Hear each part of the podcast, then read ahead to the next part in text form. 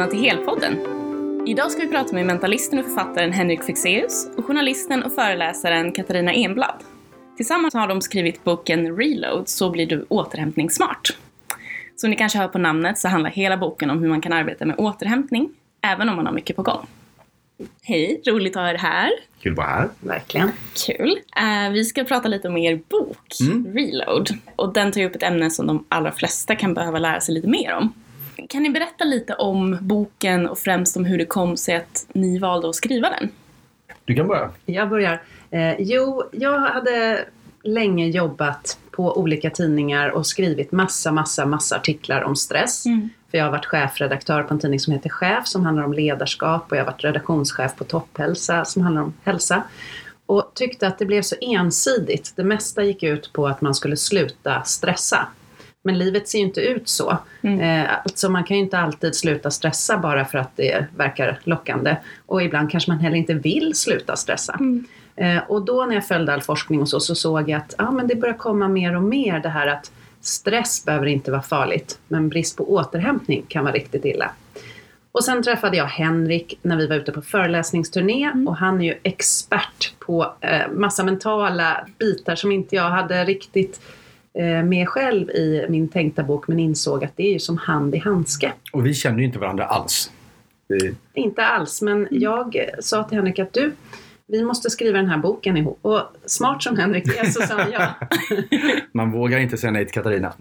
nej men, men, men jag hade också lite haft samma resa. Jag har till skillnad från Katarina då, jag har förstått att alla de där stressartiklarna, att det fanns. Men tyckte också att det inte var någonting jag ville ta till mig. Mm. För att jag gick i den här illusionen av att Nej men, men ja visst, jag har jättemycket att göra men, men jag har ju bara kul. Mm. Så för mig är det inga problem. Uh, och sen så märkte jag vid något tillfälle, jag hamnade i en liten svacka, att oj då, man kan gå sönder även om man har kul. Hmm. Så att jag, liksom, jag hade någonstans i bakhuvudet att det fanns en problematik här som var lite osynlig. Och uh, när Katarina och jag började prata så insåg jag, men, men det är ju det här, det är ju precis det här. Varför är det ingen mm. som tar upp det? Nej men då får vi göra det. Och på den vägen var det. Så att, uh, och det, vi träffades, det, det, har gått så snabbt allting för att mm. den här föreläsningen Katarina pratade om det var ju förra våren, alltså våren 2018. Mm. Och så började vi skriva på hösten. Och boken kom nu i höstas och nu är vi ute och föreläser om det och det, den är redan liksom... Det är ändå, man måste förstå att det är ju nog ganska så här smal bok till skillnad från en, någon ny deckare av någon deckarförfattare. Mm. Och ändå så är den redan såld till om det är sju länder nu och liksom, det går väldigt fort. Det mm. känns som att det är många som, som också inser att det här är ett vettigt sätt att se på saker och ting. Gud vad kul att det blir ett sån spridning. Mm. Det är verkligen Nej, men vi inom hållbart engagemang och ledarskap jobbar jättemycket med att liksom få ut just tanken att man ska kunna jobba och göra mm. sitt. Men ändå liksom inte må så dåligt som så många gör. Så jag tänk, tycker att den här boken är liksom perfekt på det sättet. Det är väldigt kul. Ja. Uh, jag har själv läst igenom hela och tycker verkligen att den, är, den ger väldigt mycket. Uh, så det är roligt att få sitta och prata med er här också idag. Uh, jag fastnade för något ni skrev i inledningen som nog många av våra lyssnare kan känna igen sig i. Där skriver ni att om du som vi tycker om att ha mycket att göra, du vill inte sluta göra saker, du vill bara inte gå sönder. Eh, då ska man tänka mer på återhämtning. Och ni skriver även, precis som du tog upp nu eh, Katarina, att eh, stress i rätt mängd kan hjälpa dig att utvecklas och utan stress kan du till och med bli stressad av bristen på stress. Och det är ju inte så många som uttrycker de delarna. Eh, och att har man haft en stressig period så är återhämtning vitalt för att vi ska orka. Hur ser ni på återhämtning, lite kortfattat? Alltså vi har ju gett ett eget begrepp. Vi mm. kallar det för reload. Mm. Och det är för att många när de tänker på återhämtning då tänker de spontant så här, ja ah, när jag har tränat då, då ska jag återhämta mig, då ska jag vila mm. efteråt. Eh, men för oss är ju återhämtning både fysiskt och mentalt och det handlar ganska lite om vila utan vi pratar mycket mer om den aktiva återhämtningen och pauserna och hur man kan eh, göra så att de ger så mycket batteriladdning som möjligt.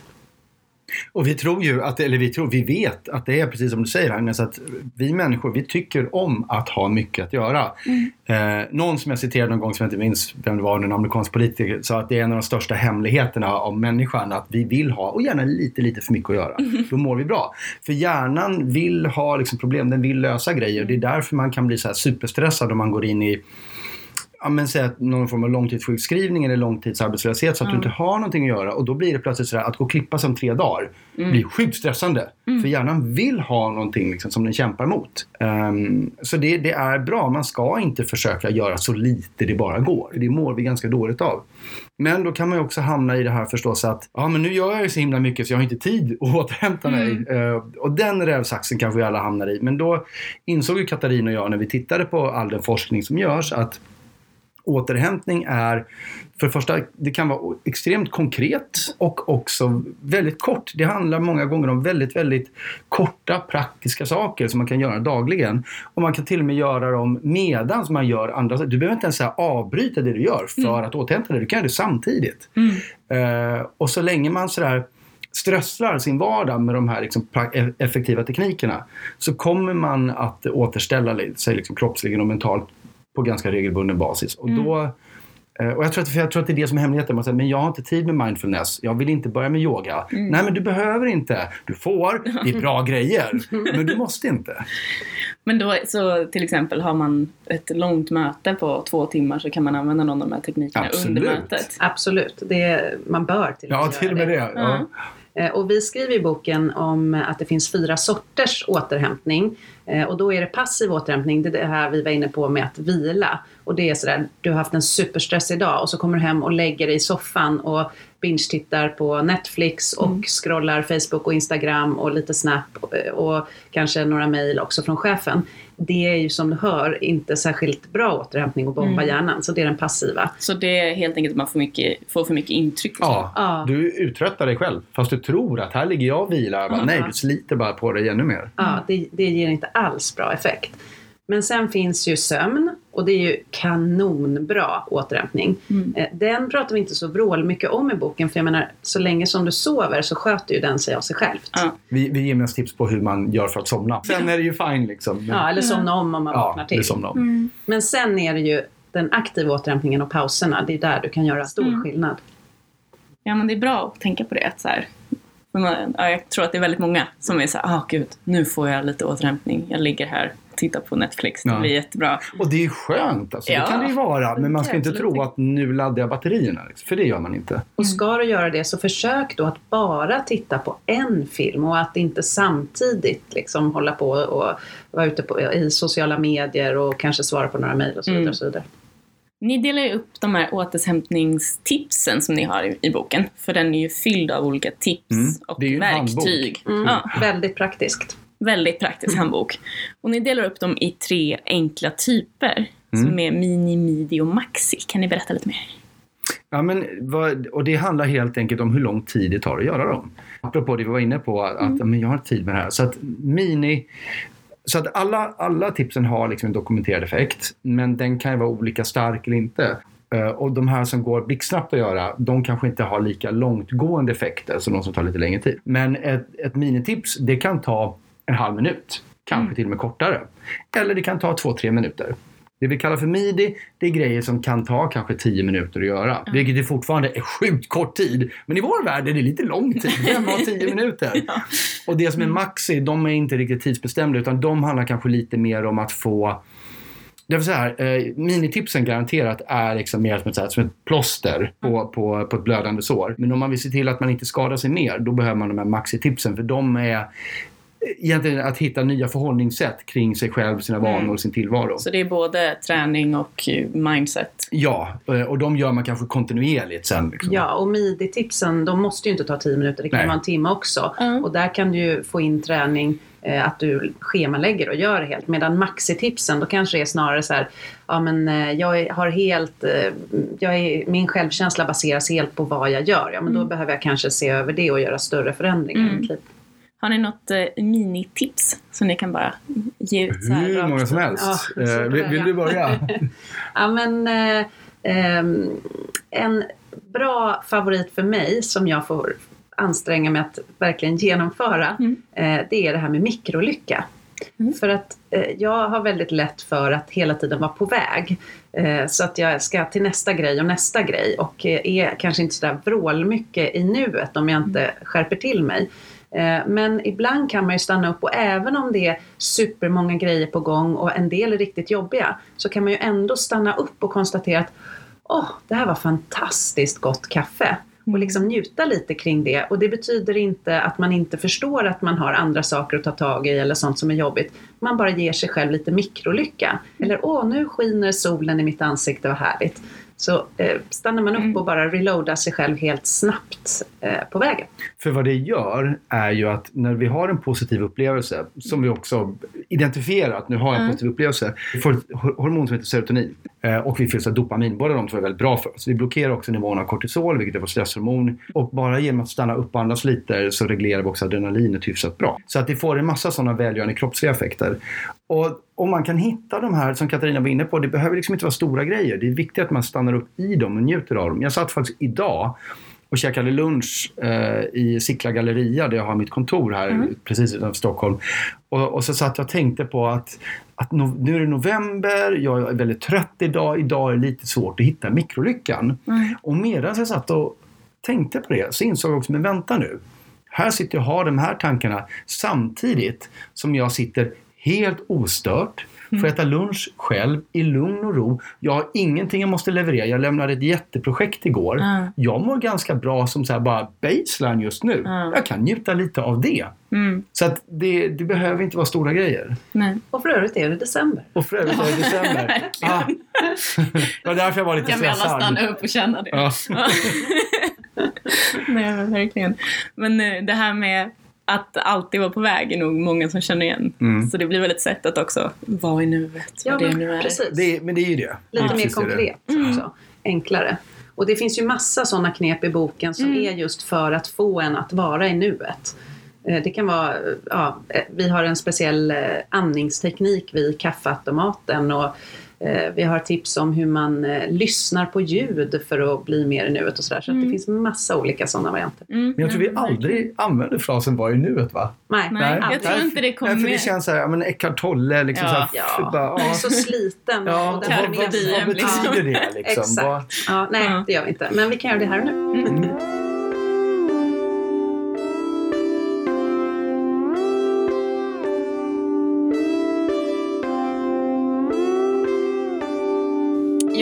Haft lite problem med stress och brist på återhämtning. Och som jag sa förut så har den här boken verkligen hjälpt mig. Och särskilt när det kommer fram mot slutet när man gör en tre veckors plan mm. för att planera in återhämtning.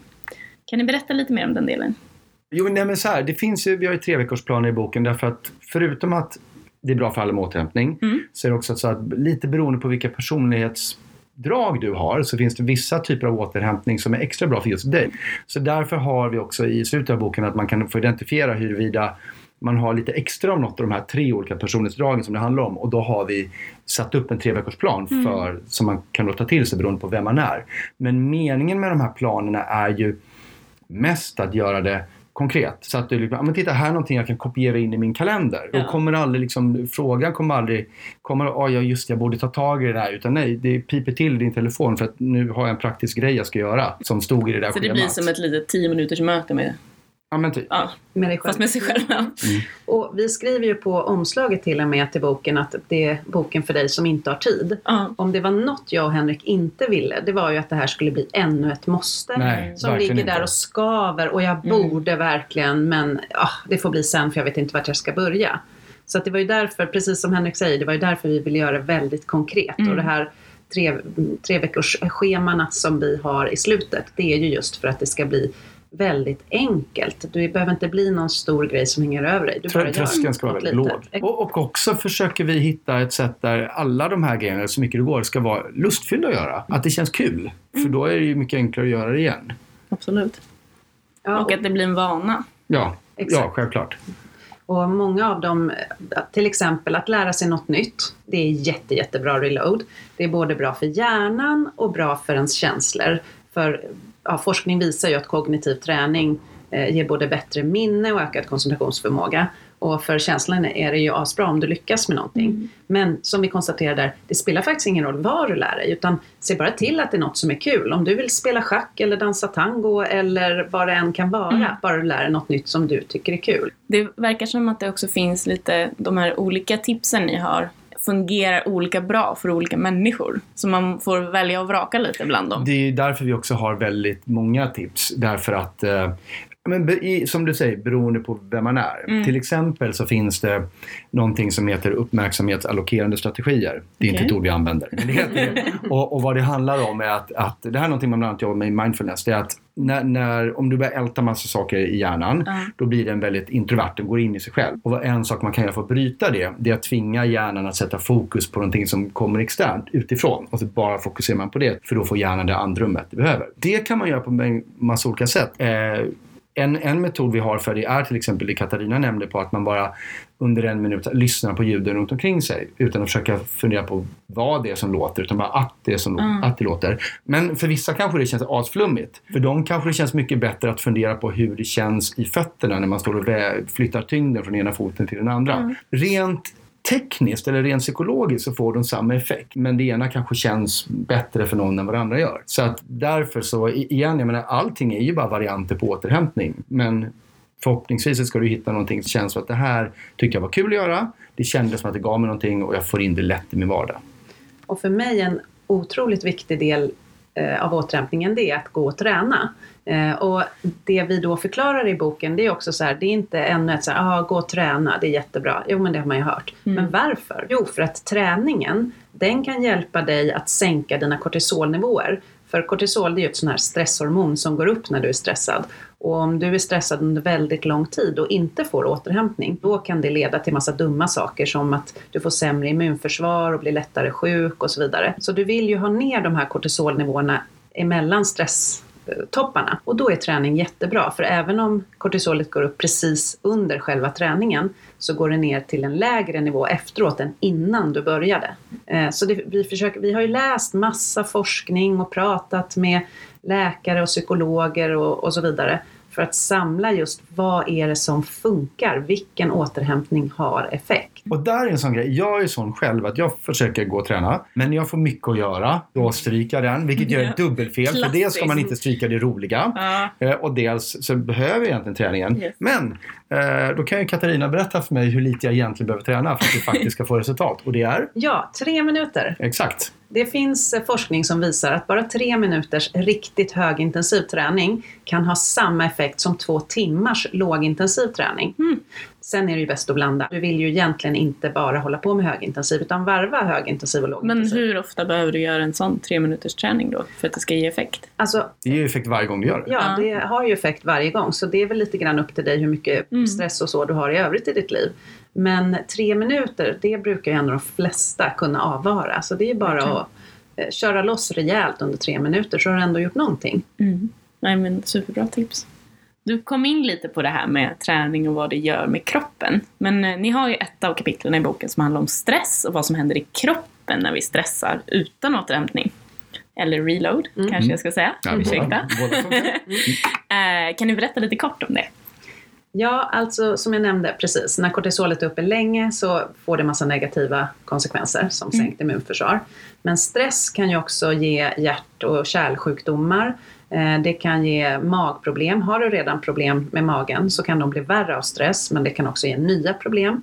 Eh, och eh, stress gör ju inte bara fysiska grejer med dig utan också mentalt så kan för mycket stress utan reload leda till att du antingen blir arg superlätt mm. eller börjar gråta mycket lättare eller kanske bara känner helt känslomässigt avstängd.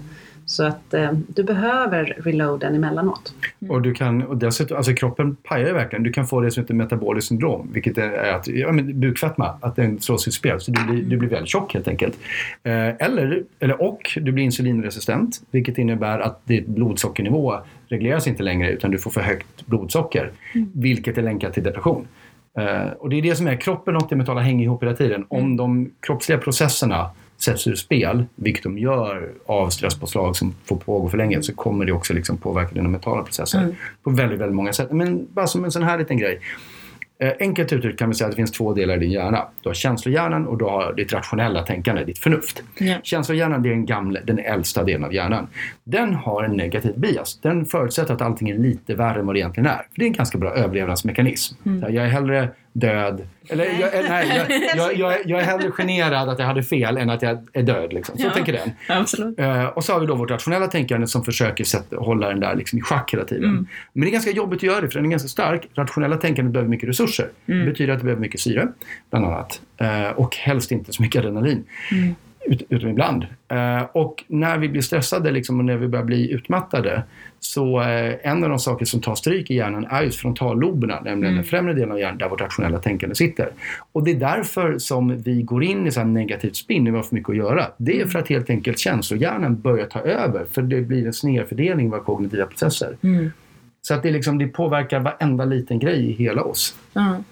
Även andning har jag fattat som, i och med det här med syreupptaget som Mm. du pratade om. Ja, men hur, hur andas en stressad människa? Mm. Inte så bra, eller hur? Och får du inte tillräckligt mycket syre i blodet, då får du inte tillräckligt mycket syre på hjärnan, då kan du inte tänka klart. Mm. Ja, nej, men det finns ju så otroligt mycket som händer som man, jag tror att de flesta inte faktiskt vet om. Nej, och om man ser till att göra de här reload-knepen som vi har, eh, då händer det ju inte, behöver det inte hända samma negativa, eh, få samma negativa Mm. effekter. Så att vi har ju andningsövningar till exempel för att syresätta hjärnan och alltså, träningen för att få ner kortisolet och så vidare. Så att vi försöker täcka in eh, bra reloads för att må bra, verkligen rent fysiskt och mentalt. Mm. Ni delar ju upp det här i olika typ, personlighetstyper. Mm. Den presterande, den plikttrogna och den passiva. Varför de här typerna? Men det var ju lite som Henrik var inne på tidigare, att man kan ha olika sätt att reagera när det är väldigt mycket i ens liv. Eh, och om man tar eh, presteraren, eh, då kanske man bara re- eh, reagerar genom att lägga i en högre växel och jobba snabbare och vara ännu mer effektiv och göra mer. Eh, Men om man tar då den plikttrogna, eh, då är det mer så här, ah, nej men Eh, Jaha, kom du och satte den här apan på min axel? Ja, men då, då fixar jag den apan också. Då får jag helt Mm. enkelt stryka den här eh, härliga konserten jag hade tänkt att gå på. Så att Mm. man hela tiden gör, säger ja till andra och inte tar hand om sig själv. Och sen om vi har den passiva till slut, ja, då är det ju den personen vill ju gärna göra saker sådär men, men väntar lite grann på att de perfekta förhållandena ska infinna sig.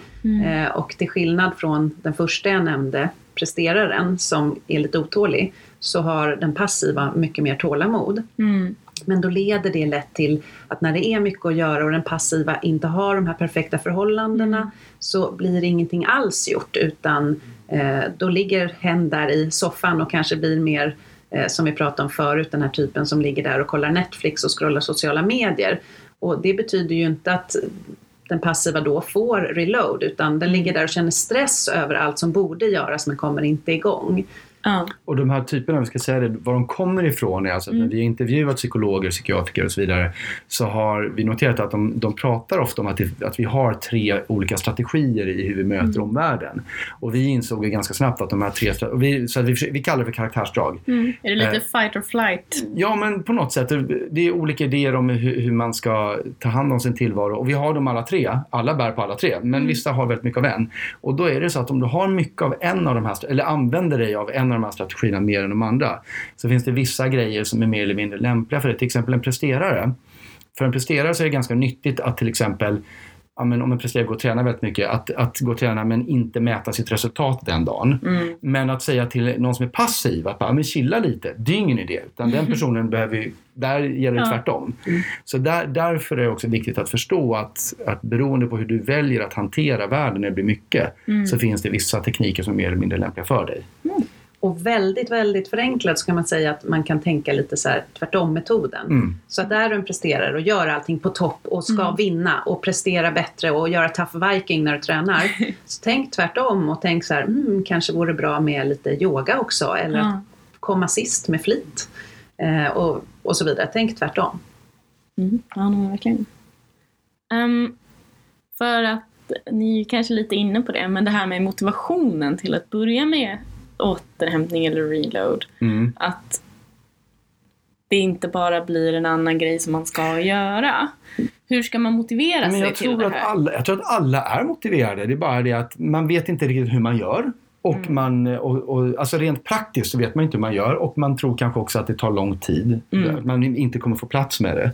Men motivation, jag tror att alla vill må bra. Mm. Uh, så det tror jag inte är problemet. Utan problemet, uh, och, och jag tror att det räcker, det räcker med, om man förstår hur enkelt och effektivt det kan vara, hur snabbt man kan göra det och hur lätt det får in det i vardagen. Så tror jag att i och med det så bör de flesta vara motiverade, för ingen vill ju gå sönder, eller hur? Nej, verkligen. Eh, vi har ju väldigt många som, eh, av de som lyssnar nu och våra medlemsorganisationer som jobbar som chef första mm. gången mm. eller har de här rollerna som är ganska krävande av en och som kräver att man liksom hela tiden är på topp. Mm. Och liksom ska prova på nya saker och kanske arbetsleda personer utan att ha någon erfarenhet av att vara chef och så. Jag tänker utifrån hur ni pratar att man behöver återhämtning ännu mer då. Mm, ja. Absolut. Ja. Eller hur Ja, du behöver man... ju återhämtning i relation till hur mycket stress du har i ditt liv. Mm. Och då får man schemalägga den. Ja. Helt enkelt. Då får man ha liksom en, ja, men kanske en gång i timmen. Att man har blockat ut två minuter. Eller man har 15 minuter på eftermiddagen som man blockar ur kalendern. Eh, eller vad som helst. Och så får man bara våga vara tydlig mot sin omgivning. Att det här är det här är min batteriladdningstid. Liksom. Mm. Därför att man behöver bara vara det första dagen. För sen kommer alla vara så sjukt imponerade när man fortfarande håller sig på topp klockan fem på eftermiddagen. Mm. Och de andra vill gå hem vid tre. Liksom, sådär. Eh, men, men där får man vara, jag tror att disciplin är ganska viktigt där. Mm. Till, tills det har blivit en vana. Mm. Och jag tänker också att eh, absolut som du säger, man ska vara tydlig men framförallt vara tydlig mot sig själv oh ja. med att man behöver reload. Eh, och sen ibland brukar vi säga så här, ja men om ett knep till exempel är att titta ut några minuter genom fönstret och bara zooma ut. Mm. Eh, om någon frågar vad du gör, säg att du löser ett problem. Men och då är det ju så bra också att det går att göra många av de här teknikerna även när man gör andra saker. Mm. Så att man behöver, om det nu känns som att nej men jag vill inte att folk ska se att jag gör det, nej men de kommer inte se det.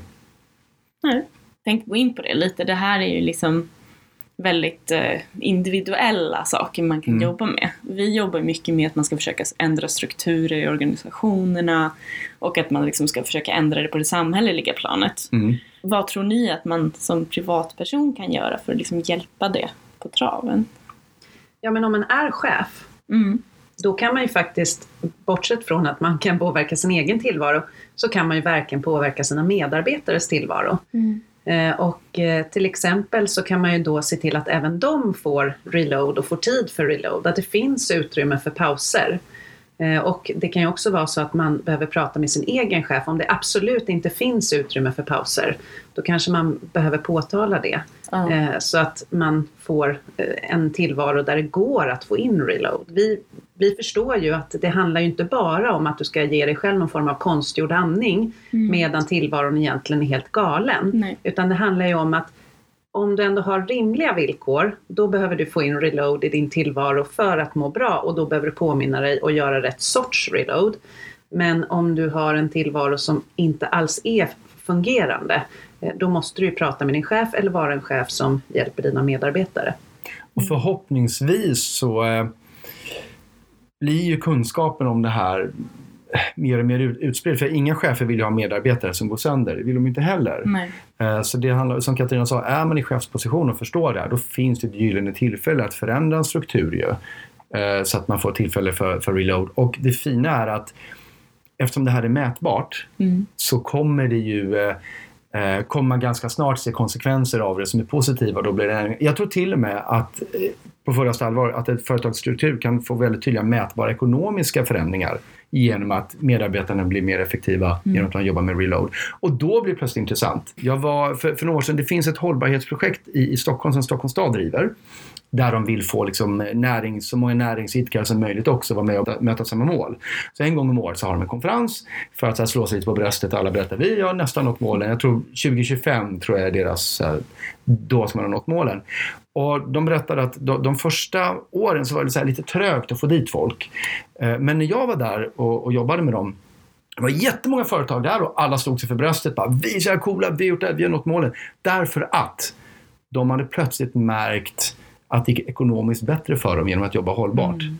Och då, minsann, då vill man berätta det. Och jag tänker att det är samma sak med det här faktiskt. Om dina medarbetare mår bra så kommer det påverka företagets klimatet på ett väldigt positivt sätt. Mm. Och blir det ekonomisk mätbarhet i det, ja då kommer alla vilja göra det. Mm. Så jag hoppas att på den förståelsen, att den börjar. Och då får vi den här förändringen som du pratar om, tänker Ja. jag. Den strukturella. Precis. Och vi har haft på tidigare arbetsplatser där jag jobbat till exempel att vi har gjort dagens övning tillsammans. Och då har vi tränat de här tre minuterna ihop ett gäng och hittat på olika knasiga grejer man kan göra. Typ någon står i plankan medan den andra gör armhävning på ens rygg och Ja. sånt där. Men försöka göra så intensivt som möjligt. Eh, burpees, springa på stället, höga hopp. Och eh, då i och med att man gör det tillsammans så tycker ju plötsligt folk inte att det är särskilt konstigt utan det blir en del av vardagen. Eh, och att också komma iväg på pauser. Jag tänker de du beskrev tidigare som Mm. lyssnar, de är säkert många eh, av dem är säkert presterare.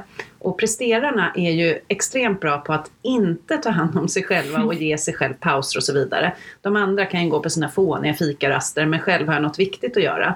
Och där behöver man ju ta till sig det här tvärtom och då kanske man behöver dra med varandra. Se till att men vi går iväg och hämtar en kopp te eller kaffe eller whatever, bara vi lämnar skrivbordet så vi Mm. får en liten paus. Jag gjorde ett jobb med ett väldigt, väldigt stort IT-företag. Och då kan man tänka sig att det finns mycket prestige där, så internationellt företag. Men de hade implementerat en grej där eh, alla som skulle dricka kaffe, vem den var i den byggnaden, fick betala.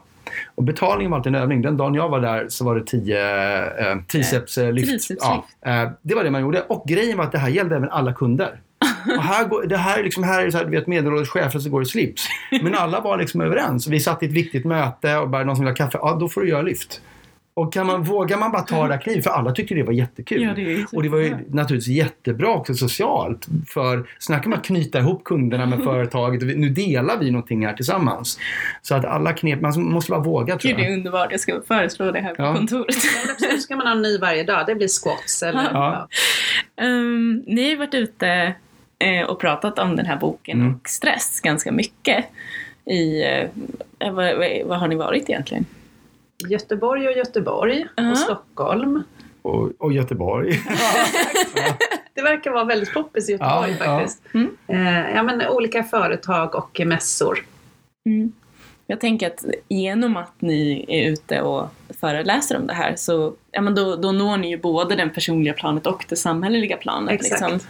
Ni har även varit ute i press Mm. och media och pratat om det. Ja, men vi trodde att, att eh, innan vi skrev boken, när vi pratade om det, så sa vi det att det här kommer kanske tas emot som att vi inte tycker att man ska förändra samhället utan att man bara ska fokusera på eh, vad jag själv kan göra. Men vi konstaterar nej, det är inte alls det, utan vi gör det bara så konkret som möjligt, hur du kan få in reload i ditt liv och må bättre. Men det är också så att sen kan man ju behöva förändra i samhället som sagt, om du absolut inte har tid för reload, då finns det ju sådana, men det kanske är en annan bok. Men det här ger åtminstone eh, de verktyg och tekniker som faktiskt fungerar för den som ja, har mycket i sitt liv och vill kunna må bra Mm. när, man, när man gör allt det här. Verkligen. Jag känner att jag har eh, fått ganska mycket svar. Är det något Mm. ni känner att jag har missat att ta upp? Nej, det tror jag inte. Nej? Nej, utan bara försök hitta den reload du tycker är rolig och kommer iväg på så, så tror jag att det kommer bli kanon. Jättetack för att ni kom hit. Tack för att du kom. Jag är väldigt glad för det. eh, Och eh, fortsätt göra ert viktiga jobb så Detsamma. fram emot att höra mer av er.